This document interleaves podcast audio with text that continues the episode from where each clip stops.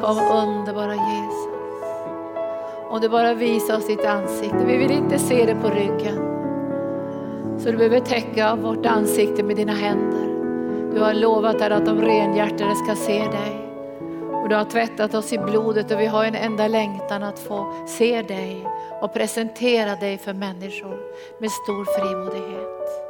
Och tack underbara Jesus för allt du har gjort redan Herre. Tack för att du har använt Petra så underbart. Och vi känner att vi vill bli givare ännu mer. Och att vi får sända aposteln Beva till olika platser i världen för att förkunna evangelium. Och vi tackar dig Gud för enheten och kärleken i församlingen.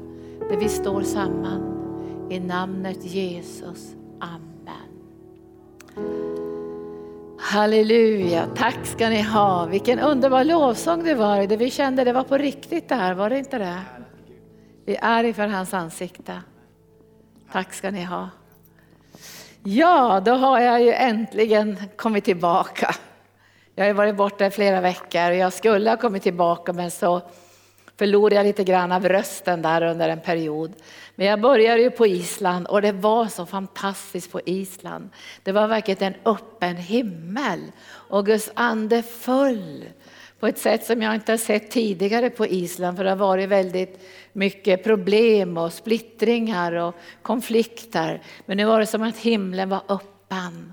Och det var så lätt att predika, det var ett flöde i den heliga ande och människor var där som inte hade varit i en kyrka. Och det Gud går ju på, han, det kan vara jättemycket gråt. Och sen kan det vara djup beröring och stillhet och sen går det över i, i jubel. Och sen kan det bli så otroligt dråpligt också så man bara står och skrattar. Och det var en flicka där som inte hade varit i, i, ett sam, i kristen kyrka någon gång och sådär. Så att då, då hörde hon ju tungotal och så sa jag, skulle du vilja ta emot ifrån Gud? Och då sa hon, ska jag få det där bla bla bla bla bla, sa hon. Och då började jag ju skratta. Alltså det, går, det är så fantastiskt att se det här, hur Gud verkar. Och i nådegåvorna uppenbara människors både nöd men också vad himlen vill ge dem. För man ser ju inte bara nöden, man ser ju också vad himlen vill ge. Och det tycker jag är det mest underbara. Sen åkte jag vidare till oasrör, till Oas-konferens, eller det var egentligen en utbildningsdagar för präster och diakoner. Och det var ungefär hundra Svenska kyrkans präster och diakoner där. Och det var väldigt, väldigt roligt att få återknyta. För där fanns det präster som hade blivit välsignade när jag var diakon och hade sådana här helande möten i Brämaregårdens kyrka. Då kom det sådana här präster och sa, och mitt liv blev förvandlat och du hade och du var med de här helande mötena. Var det 1980 eller 81 eller 79 eller någonting. Så det var jätteroligt att återknyta. Och jag fick ju undervisa då om österländsk andlighet och den kristna tron. Men också hjälpa de här prästerna att um, få utrymme för den heliga ande i inre bön och den djupa kärleksrelationen med Jesus. För jag såg att många av dem var väldigt slitna och utmanade. Sen åkte jag vidare till Norge och det var andeutgjutelse. Jag hade så roligt alltså. alltså jag bara skrattade när Guds kraft kom. Och det var särskilt, det var så riktiga manifestationer. Och jag, jag pekade ut en, en äldre dam som jag såg satt längst bak i den där stora lokalen. Och då, då, såg jag att hon hade varit med om stort lidande, men jag kunde inte säga riktigt till er vad som hade hänt i hennes liv. Men jag tänkte, vad ska Gud göra i henne? Och när jag la handen på henne så åkte hon upp i luften och skorna åkte av. Och jag tänkte, vad är det här? Och det var som att hon fick en trippelsmörjelse från Gud av glädje. Och sen kunde inte hon stå på benen. Alltså hon for åt alla håll och var helt drucken av Guds kraft. Och sen skulle vi ha sån där fire-tunnel. Ja, det gick ju inte att få henne genom den. vi fick bara bära henne. Och det var så gripande att se hur Gud opererade. Och jag tänker det här att Gud på en halvtimme kan göra mer än en psykolog och psykiater kanske får hjälpa människor under många år. Hur vi såg hur Gud riktigt opererade. Man stod bara förundrad och tittade. Och jag minns särskilt en ung kille, jag såg direkt över honom att han hade blivit väldigt mobbad i skolan och han var väldigt så att säga, låst och lite rädd, så 13-14-åring. Men Herren sa ta fram honom, ta fram honom. Och jag gjorde det. Och så, så la jag handen på honom och Guds kraft kom omedelbart in i hans liv. Och det, när han låg där på golvet så såg man, alltså hela hans bröstkorg liksom fick nästan som kramper. Och jag såg hur Gud opererade och löste honom från så mycket bundenhet och så mycket fruktan. Tänk vad Gud är god. Så nu har vi haft retreat också i helgen. Så vi, vi for direkt till retriter och det var så roligt. Det var människor som inte hade varit i arken tidigare, en flicka från Mariestad och syskon som aldrig har varit i kontakt med arken. Det var väldigt spännande att se vad Gud gjorde. Och sen åkte vi sen, Oskar och jag och Jennifer till Uppsala och var med på det här sista mötet som var som ett slags försoningsmöte för kristna som heter Tillsammans för Sverige. Och då berättade den här ledaren som, som predikade den kvällen om ja, hur, hur vi har gått emot varandra den ena väckelsen efter den andra. Och då satt jag och tänkte så här, jag var så glad när jag satt här. För jag tänkte vi i arken inte har gått emot någonting. Halleluja. Jag satt och kände mig så otroligt glad. Och bara ett ögonblick så såg jag liksom varifrån vi har kommit. Vi har kommit från karismatiska väckelsen. Så vi fick redan från den andliga modersmjölken kärlek till hela Kristi kropp. Alltså det kom just genom att vi blev frälsta. För många av oss blev ju frälsta i, i den karismatiska miljön där det var troende från alla sammanhang. Och, och, vi mötte kristna, vi liksom tänkte aldrig på varifrån någon kom. Och sen kom ju Jesusväckelsen, det var jag också med i. Och Jesusväckelsen fick vi inte in så mycket i arken, för då fanns ju inte arken. Men vi sa så här, pastor Gunnar och jag, att vi ska öppna i arken för allt det goda som Gud gör. Och vi ska ta emot det, men vi ska behålla visionen och uppdraget levande. Men vi behöver få del av allt det som Gud gör för att det som Herren har på den här platsen ska kunna stärkas. Och det har varit våran säga, signum och våran vision på den här platsen. Och jag kommer ihåg när Torontoväckelsen kom och det blev väldigt rörelse där i Stockholm. Då minns jag att det var många kyrkor som stängde för de blev väldigt rädda för vad Gud gjorde. Men pastor Gunnar och jag vi pratade om det här och vi sa att var rädd om arkens kallelse, var rädd om det uppdrag vi har fått ifrån Gud. Men ta emot välsignelse och bär det vatten du får in på den här platsen så vi får del av det som Gud har på sitt hjärta. Och vi fick aldrig någon splittring eller några konstiga saker utan syskon gick på andra tider än då vi hade möten här och de blev välsignade och bar välsignelsen in i arken. Och vi fick ju del i den här Toronto-väckelsen, det var nästan bara talare därifrån under en viss period i arken. Och det här ska vi fortsätta med. Alltså vi ska vara öppna i våran anda och ta emot det som Gud gör och som stärker det uppdrag vi har fått ifrån Gud. För vårt uppdrag att välsigna hela hela Kristi kropp. Och vi önskar att det ska bli öppningar. Det var någon som sa till mig, vad underbart att det öppnade sig för dig på den där platsen. Ja, jag vet inte, Jesus får nog sätta foten emellan där så de inte stänger. Men jag tror att Herren, jag sa så här till medarbetarna, det som öppnas genom människohand kommer att stängas av människohand. Men det som öppnas genom Guds ande kommer att vara öppet. För det står, jag ska öppna en dörr som ingen kan stänga.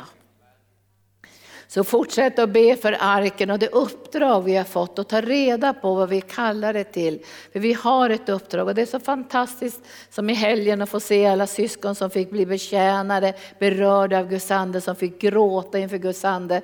Och att få vara på det här retreatcentret och lära känna Jesus. Där alla de här felaktiga bilderna av Gud försvinner. Visst är det härligt. Så jag vill tacka er alla underbara syskon som är här, som ser oss via nätet, som är med och stödjer det här som vi gör tillsammans. Och nu har ju Jennifer Tjäder kommit hem från Uganda och jag kände när hon åkte och Göran åkte också, Else-Marie, så kände jag, kan vi ta ett projekt till?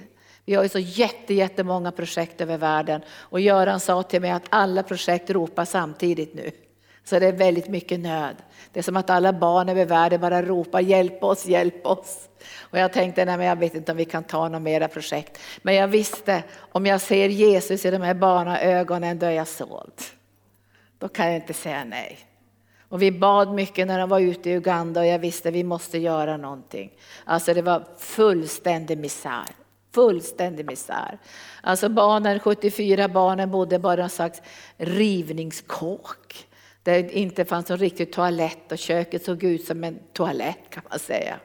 Och de hade väl fyra, fem sängar och det var fy, tre, fyra barn som sov i varje säng. Och sen låg de på golven, stengolvet.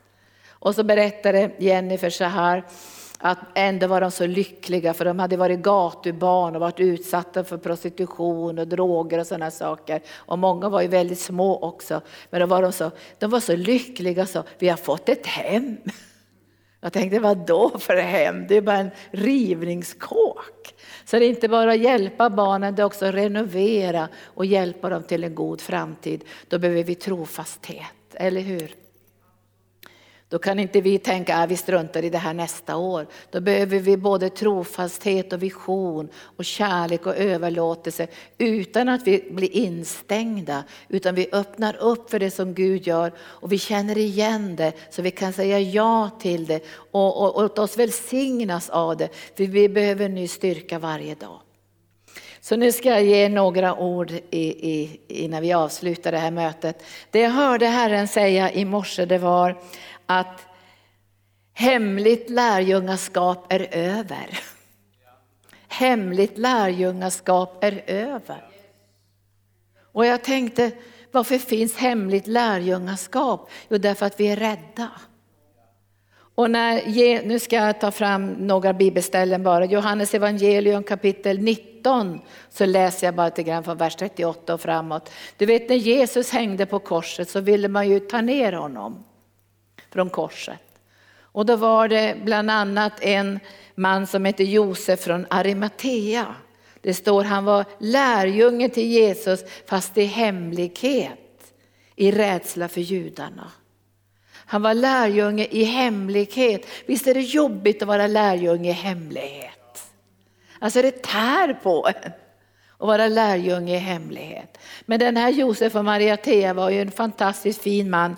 Han hade tagit med sig 30 kilo en blandning av sådana här oljor och balsam och för att smörja Jesu kropp. 30 kilo av myrra, aloe och um, och den här vackra blandningen av myrra och aloe, ni vet ju att myrra gavs ju till Jesus också när de kom till Betlehem, de vise männen. 30 kilo för att de skulle smörja Jesu kropp och linda honom med de här lindarna innan de gav före honom in i graven. Och så fanns Nikodemus där också, det här står det i 19 och 38. Josef från Arimatea och Nikodemus, kommer ni ihåg Nikodemus?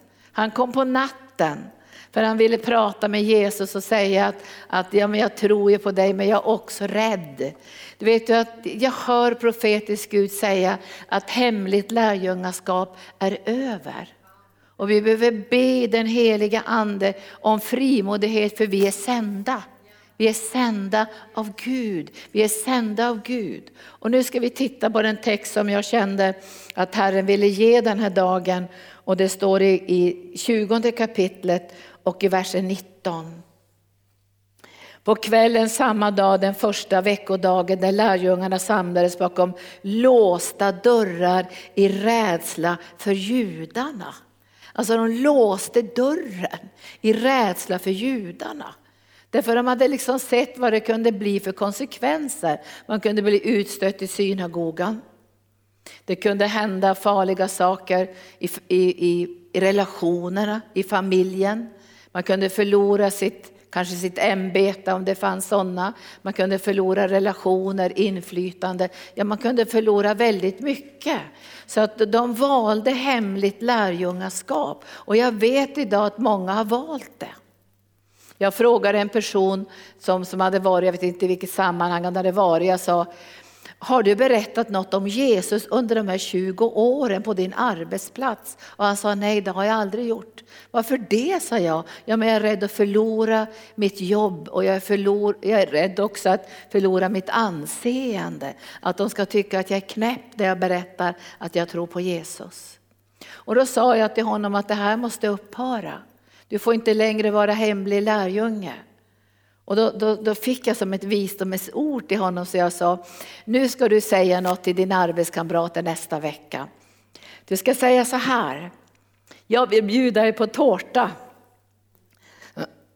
på nästa gång vi har den här gemensamma fikan.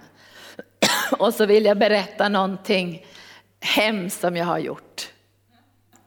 Då, förstår då kom alla. Och så sa han så här, jag har gjort någonting jättehemskt och då tänkte jag, nu har han stulit. Nu har han gjort någonting som riktigt kan, kommer att kosta både jobbet och annat. Och då sa han, jag har faktiskt svikit er alla, jag har varit här i 20 år. Och jag har aldrig berättat det allra viktigaste i mitt liv, att jag älskar Jesus.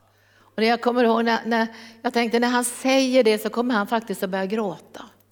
Och jag tror att när han säger det så kommer de andra också gå, kunna börja gråta. Och så ska han säga så här, jag behöver inte säga mera om det här. Men jag är tillgänglig att berätta för er vad Jesus har gjort i mitt liv.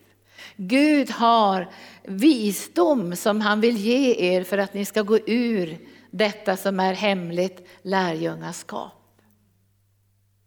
Och plötsligt står Jesus mitt ibland dem och säger frid vare med er. Och när han hade sagt detta så visade han dem sina händer och sin sida. Han visade sina händer och sin sida. Och jag tror att det kommer att vara drivkraften för dig och mig att inte ha hemligt lärjungaskap. Vi har sett hans händer och vi har sett hans sida.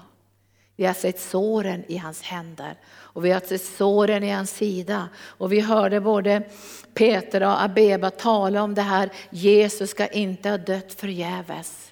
Och vi måste be att den heliga ande visar oss händerna och sidan för att vi ska få den rätta drivkraften, för då försvinner all fruktan.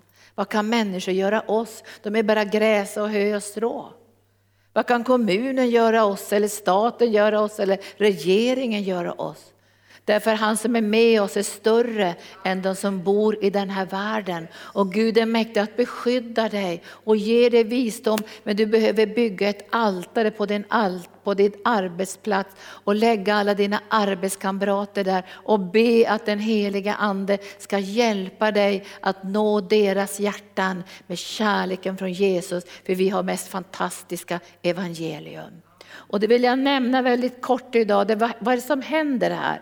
I den här texten är det, det är en text som är innan jag säga, pingstdagen.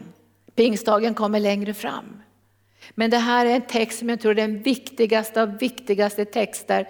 Därför att jag kan säga idag så här, jag älskar Guds utrustning. Jag älskar Andens nådegåvor, jag älskar att se Guds kraft flöda. Jag bara står liksom och ler nästan och skrattar när jag ser Guds kraft.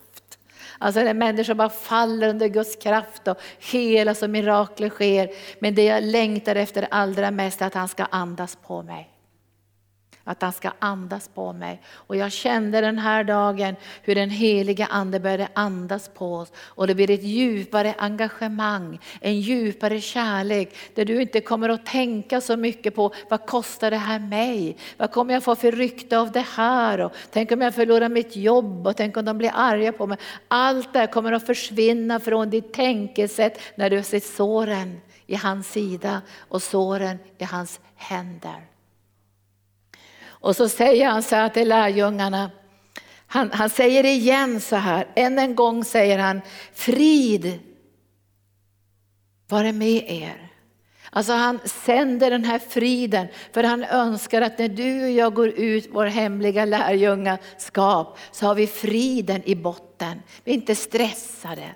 Vi är inte pressade, vi är inte maniska, vi skämmer inte ut oss. Vi kommer med Guds frid. Därför budskapet som bärs av Guds hjärta har frid i botten. Vet ni det? För en fridsfursten.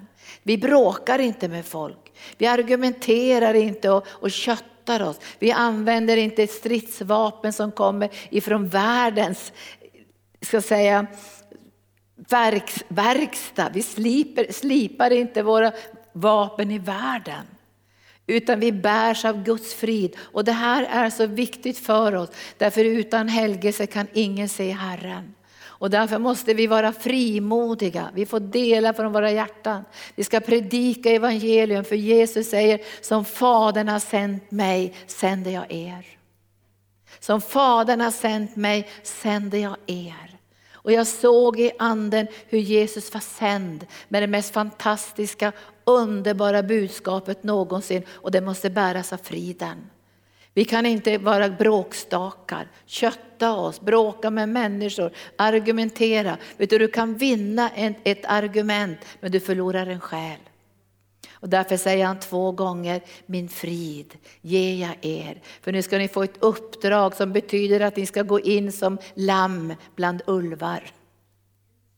Ni ska gå in som rena, vackra lamm bland ulvar. Och min härlighet och min närvaro kommer att vila över er. Och även om ni skulle få lida martyret, martyriet, eller martyrdöden, eller bli förkastade, eller bli utstötta, så kommer härlighetens ande att vila över er. Andas på oss, heliga ande. Och idag ber vi den här bönen, andas på oss helige ande. Inte bara rusta mig med nådegåvorna, rusta mig med kraft och smörjelse. Andas på mig. Och nu står det så här. Frid vare med er, som Fadern har sänt mig så sänder jag er. Sen han hade sagt detta andades han på dem och sa, ta emot den helige ande. När den heliga ande tas emot här av de här lärjungarna så är det förståelsen av försoningens budskap. Alla människors synder är försonade och vägen är öppen in i Guds hjärta. När vi inte förstår det, när vi inte tar oss till det här, då blir det på ett annat sätt. Men Jesus säger, ni har försoningens uppdrag. Om ni förlåter människorna deras synder så kommer de att bli förlåtna. Men om inte ni förstår försoningens uppdrag då är människor bundna i sina synder. Därför genom Jesu Kristi blod så löser vi människorna från, från synden för att de ska kunna ta emot rättfärdiggörelsen, det eviga livet, den andliga kärleksrelationen från Gud. Och därför säger ju Herren också i andra Korinthierbrevet kapitel 5 att vi har försoningens uppdrag. Jag bär Jesu frid och Jesu kärlek i mitt hjärta. Och den heliga ande är här med mig, omkring mig, runt mig för att övertyga människor. Så jag får hjälpen av den heliga ande med en övertygelse som går djupare in i människors hjärtan än berör det intellektuella planet. Vad säger ni om det? Vilket budskap vi har. Tänk att vi kan binda människor deras synder. Om vi inte säger något om Jesus. Då är de bundna i sina synder. Men vi kan lösa människor genom förkunnelsen och säga till dem, vägen är öppen, välkommen hem. Andra Korinthierbrevet är mitt det är det sista bibelstället. Sen ska jag bara säga någonting om den här tjänsten som Jesus fick av Fadern som hade en väldigt stor del av förlåtelse.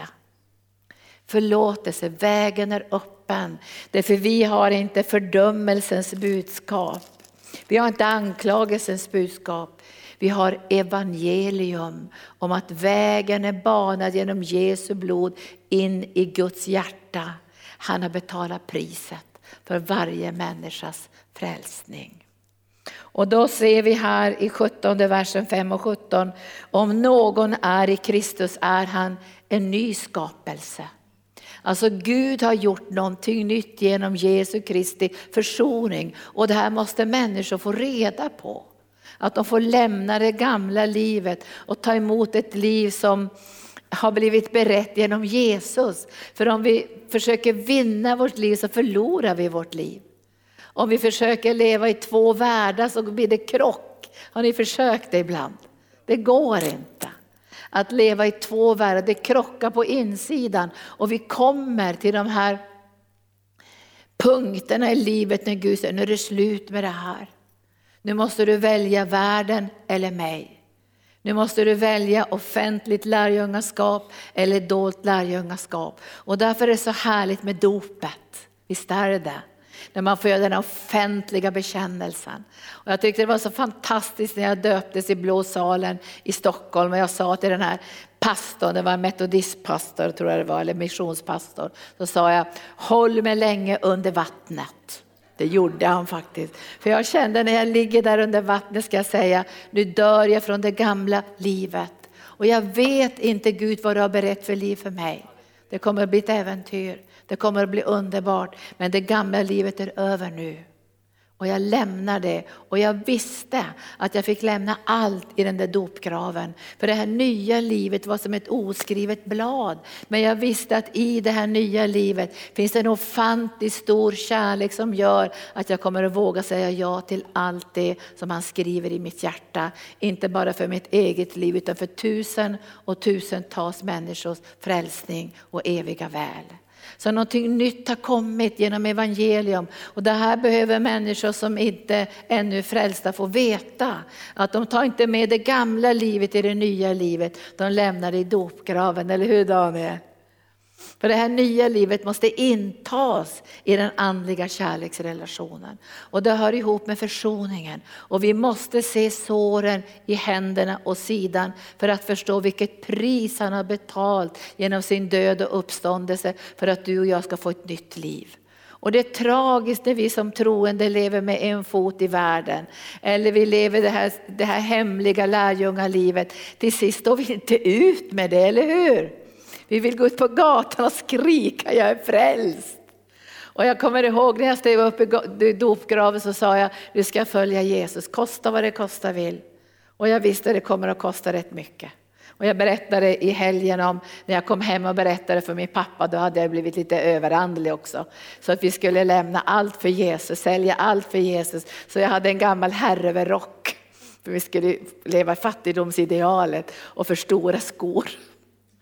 Så kom jag hem och sa, Åh pappa, jag har lämnat allt för att följa Jesus. Det vart ju en harang av svordomar. Alltså jag har aldrig hört honom svära så fruktansvärt mycket.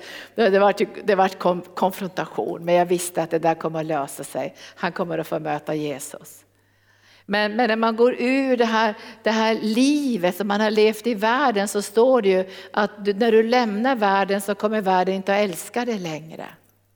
Därför att du, du har gjort, Jesus har tagit ut dig ur världen. Och det här tror jag är en process också av kärlek och se de här såren som ger oss frimodighet att, att göra upp med saker. Och du behöver inte tänka att du måste göra upp med det idag. Men du kan i alla fall säga till Herren idag, andas på mig andas på mig. Och han andades på lärjungarna och det som hände där var all fruktan försvann. Alltså all fruktan försvann och jag har läst apostlagärningarna fram och tillbaka. All fruktan var borta. Alltså tänk när, när de här två apostlarna säger till den lama mannen, silver och guld det har vi inte, men det vi har ska vi ge till dig, res dig upp. Men de visste i det här att förlåtelse var själva nyckeln. Och när Jesus möter den här lame mannen, kommer ni ihåg det? Då säger han till honom så här, dina synder förlåtas dig. Det var det första han sa. Han sa inte vilka synder han hade gjort, men han sa dina synder förlåtas dig. Och jag tror att i det så andades han på den mannen och han kände himmelens vindslag. Jag är förlåten och i den förlåtelsen finns helandet. Och när man protesterade och började bråka med Jesus så säger han, vad är lättare att säga? Dina synder förlåtas dig eller ta din säng och gå. Och i mötet med Jesus så andas han in förlåtelsen in i människors liv. Det kanske inte du och jag förstår när vi läser Bibeln, men i varje möte när han möter kvinnan som har begått äktenskapsbrott, då andas han förlåtelsen in i henne. Annars skulle hon aldrig ha stått kvar. Jag hade inte stått kvar om jag hade begått äktenskapsbrott. För jag vet att han säger den som är utan synd kastar första stenen. Och det är bara han som kan kasta första stenen. Men han andas förlåtelsen in i henne, en fullständig förvandling som gav henne ett nytt liv. När alla fariséer hade försvunnit, då står kvinnan kvar och han säger, synda inte mer nu. Synda inte mer nu, men du kan gå nu.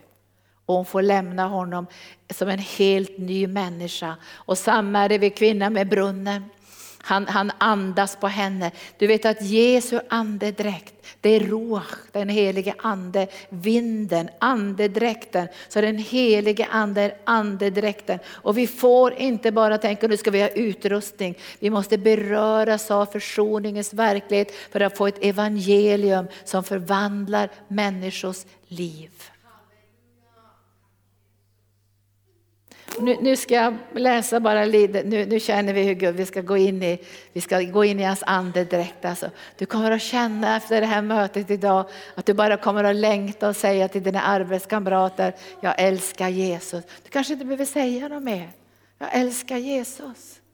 Jag såg ju Petra, vi började gråta när vi tänkte, visst är det så? Du, vågar, du vågar inte sminka dig något längre.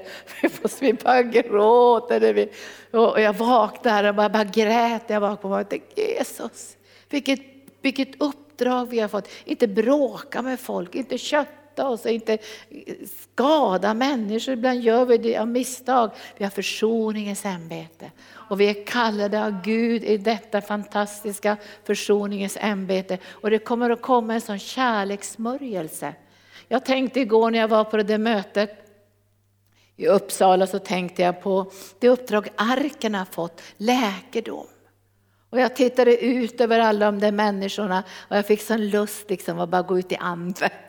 Fick en lust att bara gå fram. Jag, hade, jag var inte arrangör så jag kunde inte göra det. Men jag fick sån lust liksom att säga så här, kan vi inte lösa helande smörjelsen?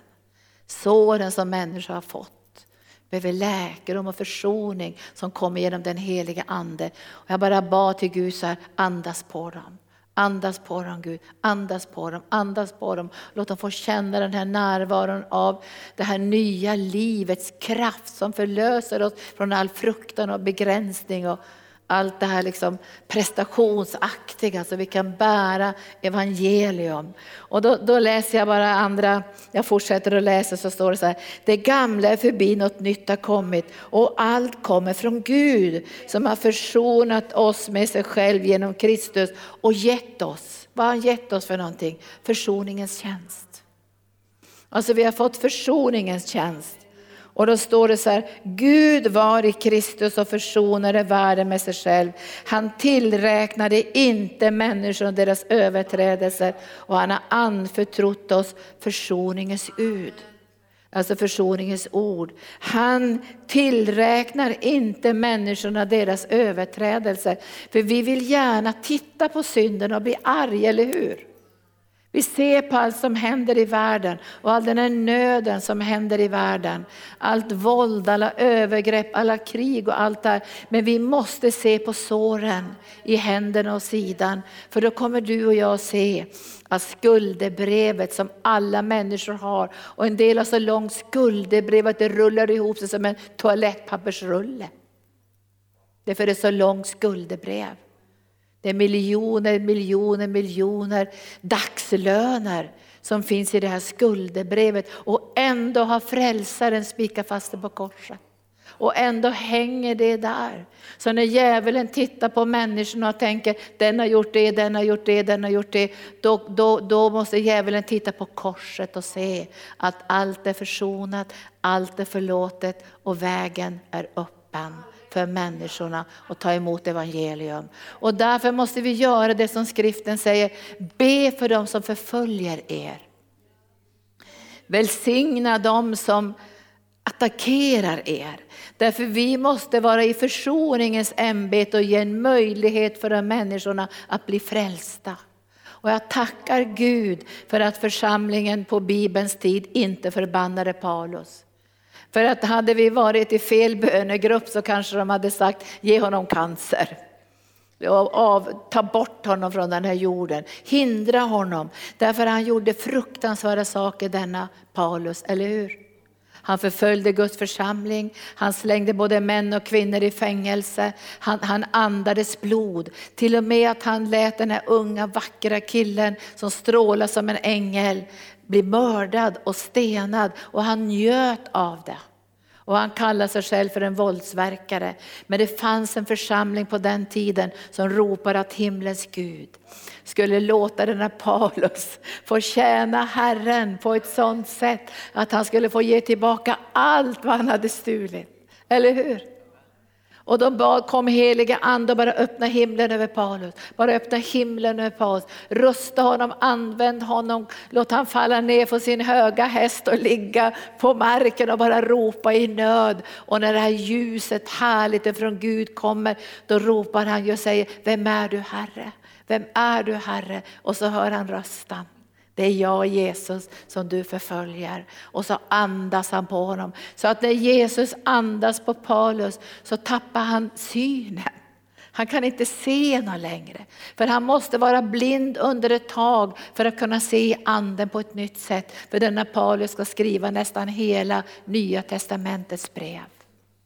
Himlen är öppen och vi har försoningens ämbete. Och det här är någonting som måste skifta, det kommer att bli ett paradigmskifte i kristenheten. Där vi kommer att se såren i hans sida och bära ett evangelium så att varenda människa som vi möter kommer att känna igen evighetens vingslag. För Gud har lagt evigheten i alla människors hjärtan. Eller hur? Evigheten är lagd i alla människors hjärtan. Och alla människor vet någonstans att det har skett ett fruktansvärt brott. De vet det. Varenda främmande religion vet det. För de ska försöka reparera det själv. Men du och jag vet Jesus har reparerat allt. Han har banat vägen, han har gjort det färdigt. Så vi har ett fantastiskt evangelium. Nu får jag säga hej då till alla er i kanal 10 men vi fortsätter lite här nu. Nu läser jag till sist. Vi är alltså sändebud för Kristus. Och Gud vädjar genom oss. Vi ber på Kristi uppdrag, låt försona er med Gud. Han som inte visste av någon synd, honom gjorde Gud till synd i vårt ställe för att vi i honom skulle bli rättfärdiga inför Gud. Och därför måste vi be att Gud fyller våra hjärtan med kärlek för de människor som inte är värd någon kärlek, eller hur? Vi kan tänka den där bara har gjort hemska saker och mördat och skadat och våldtagit barn och så. Det är det vi möter utöver världen. Men vi får aldrig glömma att när Jesus går in i ett semares mörker så står det att hans svett förvandlades till blod. Och han fick en sån fruktansvärd ångest. Det står, han hade en sån djup bedrövelse, han hade en sån djup sorg inom sig därför han såg en sån vidrig bägare med synd ända ner i botten. Och tre gånger säger han, låt mig slippa, låt mig slippa, låt mig slippa. Men så säger han till sist, inte min vilja, din vilja. För han såg i anden välsignelsens bägare som vi välsignar. Där vi får del av försoningens förlåtelse, befrielse och helande och upprättelse. Men det börjar med försoningen. Och när vi möter Jesus i Bibeln så ser vi ju att denna förlåtelse flödar in i människors liv. Och till sist, jag älskar den här texten, älskar att se människor förkrossade. Alltså när jag har varit nu och rest på olika platser, jag bara, jag bara älskar att se där de gråter, de öppnar sig, tar emot honom för första gången. Och det var en kille där i Norge som inte var frälst i mitt möte och jag tänkte på en gång han ska bli frälst. Och han tog emot Jesus på kvällen som frälsare. Men dagen därpå såg jag att han hade lite svårt att vara med i lovsången för han stod med så här. Och då gick jag fram till honom och frågade, känner du om Gud är utanför dig? Känns det starkare utanför eller innanför? Och då sa men det känns starkare liksom utanför när jag är med de här andra som sjunger. Och då sa jag, då ska det komma innanför nu, sa jag. Och du ska bli döpt i den helige ande och du ska få tungotal och du ska bli uppfylld av nåden som flödar. Och han blev uppfylld och han fick tungotal och han blev skakad under Guds kraft. Och jag tänkte, tänk att Gud kan göra det här när vi går ur det här hemliga människofruktan och rädslan och får en, en vacker frimodighet. Och jag, jag vill be att vi ska få en vacker frimodighet. Jag var och gjorde mina naglar på ett ställe här och då började jag på en gång att prata om Jesus såklart. Och då sa den här tjejen så här, ja det, jag har många från Arken, hon har jobbat på vårdcentralen och det är många som har varit på mig och sagt kom på Sjöhamra gård. Så jag tänkte, vi har evangelister överallt från den här församlingen som sammanför människor med Jesus. Vi har sånt fantastiskt underbart budskap, han blev gjord till synd för att vi skulle bli gjorda till rättfärdighet. Tack Jesus. Och nu ska han andas på, vi ska låta honom andas på oss. Vi ska, vi ska kanske avsluta det här mötet, men kanske du sitter här idag som känner, jag är lite hemlig. Jag är lite hemlig faktiskt. Jag vågar inte riktigt, jag vågar inte säga något om Jesus. Jag, jag har haft sådana, inte så många gånger, men lite grann har jag haft det så. När jag har känt liksom att jag ville bli vän med människor eller behålla vänskap. Och, och, då känner jag att nu håller jag tyst här med Jesus, men det går inte. För Bibeln säger att du har en eld inom dig och den kommer att brinna. Och är du här nu som känner att om jag har varit på en arbetsplats så länge, har inte sagt ett enda ord om Jesus inte berättar något hur mycket jag älskar honom. Då ska du inte springa dit med tårtan kanske som det jag sa till den där mannen. Utan be till Gud att du ska få ett tillfälle, en möjlighet att få berätta för människor. Och då kan Andens nådegåvor verka, eller hur? Visst är det så? Andens nådegåvor verkar. Så nu sitter det på kafferasten så börjar Gud säga, den här personen har i en cancerbehandling och den här personen är jätte, jätterädd. Och, och då behöver inte du säga, och jag ser att du är en cancerbehandling, så ska du inte säga. Utan du går till Gud. Och så ber du så här, heligande, ge mig möjlighet, ge mig ett, ett ord. Och jag var ju, när jag var på Island så var jag, såg jag på en gång en jättevacker ung flicka och Gud sa till mig, hon har cancer. Och jag tänkte, vad gör jag med den kunskapen? Så jag frågade ledarna, har den här flickan cancer? Och då sa de så här, hon har cancer. Men hon vill inte att någon ska veta det. Hon vill inte prata om det, ingen ska veta det här. Och då kunde inte jag gå fram och säga, Gud har visat till mig att du har cancer. Utan jag började direkt att be. Helige Ande, öppna hennes hjärta, ge henne förtroende för mig, låt henne få känna Guds kärlek som flödar genom mitt liv. Det dröjde en dag förrän tårarna bara rann ur den här ögonen på den här unga flickan och vi fick lägga henne på stolarna, förebeda och bara betjäna henne under smörjelsen, den heliga Andes kraft och läkedom. Gud kommer att visa dig, du kommer att se saker och då kommer du ha ett bönealtare. Nu är det bara andligt det här. Men du kommer att se saker, för Gud kommer att visa dig. Han kanske säger den här personen genom ett jättejobbigt äktenskap nu som är på väg liksom att bara förtvivlan. Jag möter ju människor som ser jätteglada ut och så ser jag att det har skett tragedier i deras liv. Det är Guds förtroende för att du ska kunna bli en kanal på din arbetsplats för evangelium. Visst är det härligt det? Och, och det hemliga lärjungaskapet är över idag. Och nu ska jag inte peka ut någon av er här men men om du känner så här, jag är hemligt lärjunge, jag är som Josef och Nikodemus, jag är jätterädd för vad folket ska säga, så kommer Herren inte att säga, nu måste du vara frimodig. Han kommer att visa dig såren i händerna och såren i sidan och det kommer att förvandla och förändra ditt liv. Så nu ska vi inte peka ut någon på där att jag säger, kom fram alla ni som är hemliga lärjungar för då blir det jobbigt. Utan vi ska säga så här istället, Kom fram du som känner idag att du skulle vara, vilja vara bärare med detta fantastiska evangelium. För du kommer att möta människor som syndar jättemycket. Då ska inte du gå på det här, jag säger att du syndar. Utan du måste, du måste börja vandra in i Jesu hjärta. Jag har känt de här sista månaderna att jag får vandra in i hans hjärta. Och så får jag fråga honom, hur ser du på den här människan? Vilka tankar har du för den här människan? Vad vill du ge till den här människan från ditt hjärta? Och det börjar hända saker i vårt liv som gör att vi inte bara ser synden. För vi ser synden är försonad. Jesus blev till synd för att människor skulle få det här nya livet som han har betalt för. Tack Jesus. Så känner du idag nu, ja men nu vill jag gå in i en tid där det ska få flöda genom mitt liv. Där jag ska få vara frimodig och bara få uttrycka min kärlek till Jesus. Men du ska inte känna dig pressad. Utan vi ska be i eftermiddag, nu är det snart eftermiddag, att vi ska få se såren i hans sida. och vi ska få se såren i hans händer. Vi ska inte behöva sticka in fingret där vi bara tittar på det. Och så känner vi friden.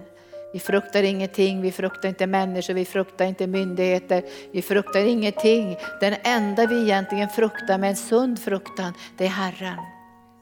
Och när jag var på ett ställe så var det en förkunnare som sa någonting som slog in i mitt hjärta. Hon sa så här, konung David när han skulle bära arken till Jerusalem, så det var över 30 000 ögon som såg på honom. Över 30 000 ögon. Tänk dig pressen. Pressen. 30 000 ögon tittade på honom. Vad ska kungen göra? Hur ska han bete sig? Ska han vara värdig? Vad ska han säga? Vad ska han göra? Men det enda David tänkte på och brydde sig om, det var, vems ögon var det? Herrens ögon. Det var det enda han brydde sig om och det enda han tänkte på. Herre du ser på mig och det räcker. Och när han såg Herrens ögon över sitt liv, då dansade han som en vilde. Eller hur? Han dansade så kläderna åkte upp. Och Mikal blev så arg, hans fru som sa, du har skämt ut dig. Du har varit halvnaken inför förtjänarnas kvinnor. Och då säger han, nej säger han, du måste förstå en sak, det gjorde jag för Herren. Och jag kommer att göra det igen. Och det som hände med henne var att hon blev steril. Och det här kommer att hända också i din omgivning. När du börjar älska Jesus på det här sättet, då kommer också människor kanske reagera. Och säga, men du får inte vara så här frimodig, du får inte be på det här sättet. Men då får du säga så här, det är bara två ögon, ett ögonpar som intresserar mig. Det är Guds ögon. Och kan jag behaga honom med mitt liv så räcker det för mig. Nu drar vi ner smörjelsen igen. Tack Jesus. Var har vi Oskar någonstans? Här är jag.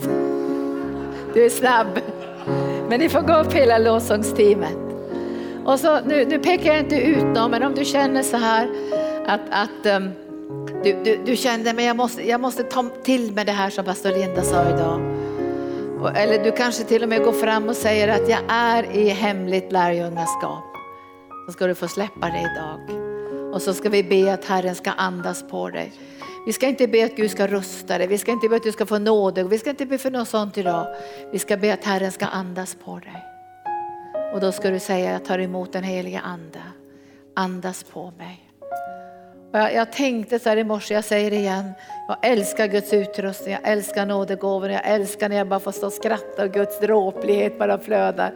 Och jag, jag säger så här, andas på mig, andas. Jag kan inte leva om du inte andas på mig. För det räcker inte att vara smord av Gud. Du måste andas på mig, för jag är mycket, mycket medveten om att det är smörjelsen som människor behöver och längtar efter. Och jag fick så många kramar och pussar på Island så jag tror att de pussar på mig en basil också. Men jag fick så mycket kramar och pussar, det var sån kärlek, utgjutelse. Så när jag kom till hotellet så tänkte jag så här, åh vad, vad, vilken kärlek jag fick. Men det, det tänkte jag bara två sekunder, för jag visste att det här var inte till mig, det var till Herren. För vem är du och jag? Det är smörjelsen. Så jag gjorde det som jag inspirerar er också att göra. Jag hällde ut där som ett drickoffer inför Herrens ansikte. Jag sa den här kärleken som jag har fått där nu på Island Herre, det ger jag tillbaka till dig som ett drickoffer.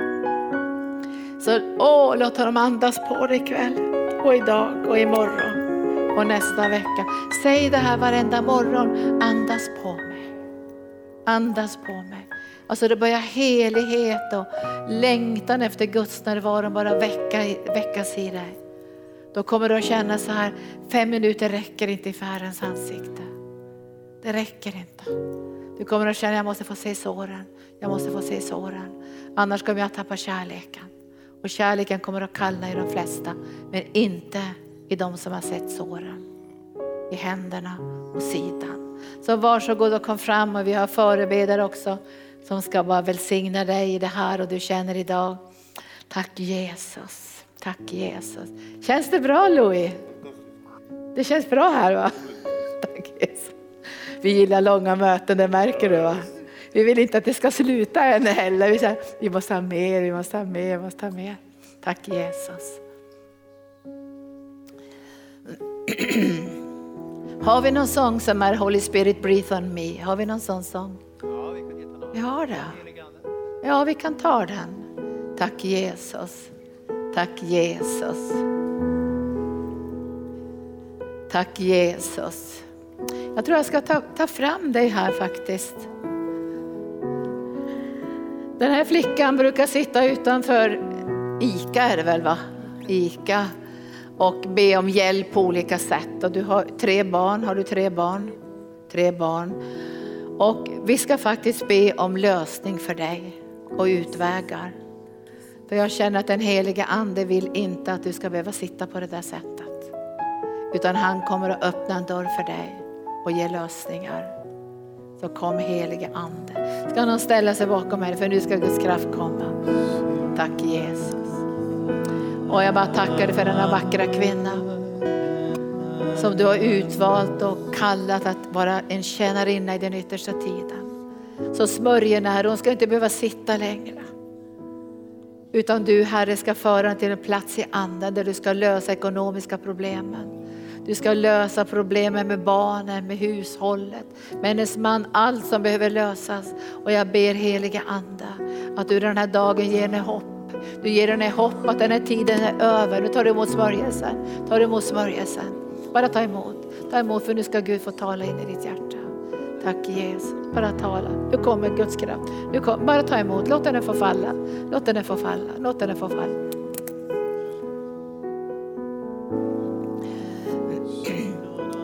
Vi, vi ska göra så här förebedjare, vi ska inte prata någonting med dem som ska få förbön nu. Utan ni bara löser den här smörjelsen. Att han ska, du kan bara säga andas på dem Gud. Andas på dem och hjälp dem att få se såren i hans sida och i hans händer. För nu går vi in i en ny tid när vi bär på härlighet.